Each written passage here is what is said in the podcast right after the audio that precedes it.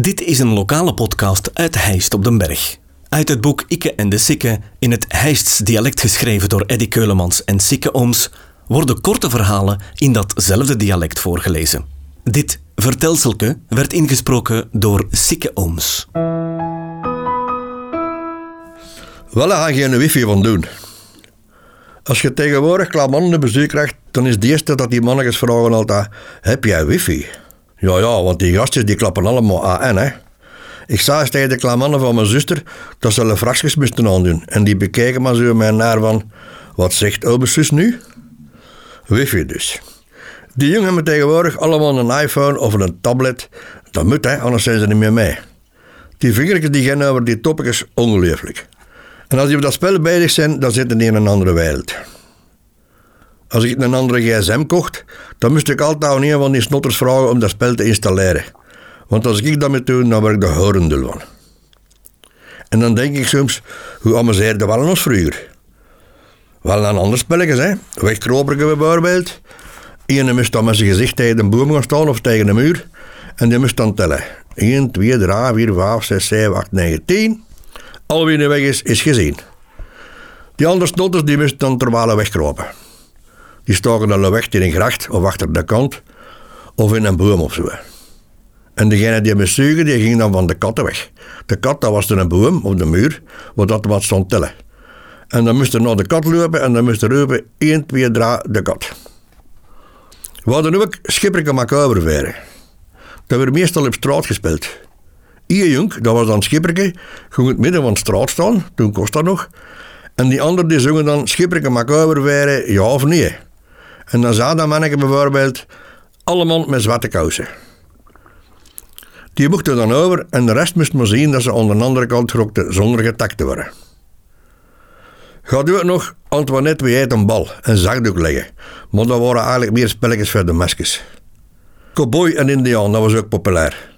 Sommige kameratjes die hadden echt cowboykostuum, met een hoed en zo'n lap rond alle benen en een centuur met soms twee. De Indianen die hadden met van die pastelkratjes allemaal strijpen op hun gezicht gemaakt en een doek rond hun kop en een kekenplom ertussen. Als we dan liepen, dan sloegen we met onze hand op ons schat, precies lag dat we op een piazza achter ze aan slaan, om de biost harder te doen lopen. De jongens die speelden ook met de armollen. Ze werden putten gemokt en je moest dan proberen in te schieten en op passant moesten die andere armbollen proberen weg te kletsen. Als je dan enige gerokt had, dan werd dat afgestapt voor te zien hoeveel voeten dat hij weggekatst was. Als je dan bijvoorbeeld 50 voeten had mee ingekatst, dan mocht je een span nemen. Een paar honderd, twee spannen enzovoorts. Een ander spelletje met de aardappelen was oké. Dan werd dan even een muur een kar op de grond getekend bij kraat, of als het een jaar was een stokje, en iedereen die meedeed, die moest een aardappel erin leggen. Een meter of tien daarvan af weer een meid getrokken en vanaf die meid moesten we proberen om die aardappelen met een aardappel wat de kar te schieten. Er was één reglement, je mocht niet fumpen. Tegen dat de roer bezig bomen kwamen, dat was staat voor de vlotse bozen. We gingen dan een vlierhoek zoeken en dan braken we dan een tak af. Zo'n stuk van 20 centimeter. En in zo'n stuk, dat zat precies lak als bergen en dan moesten er wat halen. Wie is dat was de Vlaammokerbos in de straat. Die had altijd oude rayons liggen.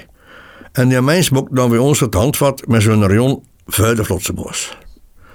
Dan moesten we nog ruwe bijtjes zoeken en dan konden we ermee beginnen. Je moest dan zo'n bolletje in dat wat gehold vliesstukje steken en dan met de handvat die rayon eruit douwen. Als dat goed gemokt was, dan kost dat farme wat vliegen. Bij ons in de straat kwam er in de vakantie een jongen van Bergen op congé. En dan had ze een stuk elektrieke boosbaan. En ook van die opgerolde papieren pijltjes. Je stak dan die pijltjes in die boos en dan blies die en dat pijltje dat vloog dan met geweld over die boos. Dan moesten we natuurlijk ook hebben. Na mijn chance, dan moot waren met de mark van Jefke en Lentrik. Die had een trikboze genoeg. De mensen kregen inderdaad zo'n boekje van Unigro doorgestuurd met de post. Unigro, dat was een grote winkel even tegen Sint-Niklaas aan en daar gaan ze van alles. Al dat je kunt verdenken tot 30 jaar toe. Na blij dat papier van die boekjes heel goed was om die pijltjes te maken. Daar werd wat afgeblazen die tijd. Het tofste was om te proberen in de vlieger om bij de geburen te schieten. Die pijltjes die bleven dan steken, dat was farm om te zien. Het jong volk van tegenwoordig zal, als ze deze gaan horen, waarschijnlijk denken dat we achterlijk worden of zo. Maar weet je wat? We amuseerden ons schoolboten. Tegen het donker weer ging mijn mug naar huis. Er werd van taat nog wel een ander spelletje gespeeld. Met mesjes en jongens ondereen. Maar dat situeerde zich eigenlijk meer in de medische sfeer. En dat is hier misschien niet de juiste plaats om er dieper op in te gaan. Deze podcast kwam tot stand dankzij Huisdresselaars en Tropical. Volg de podcast op Facebook. Reageren kan je via de website ditishijst.be slash ikke en de of ikkeendesikke.be.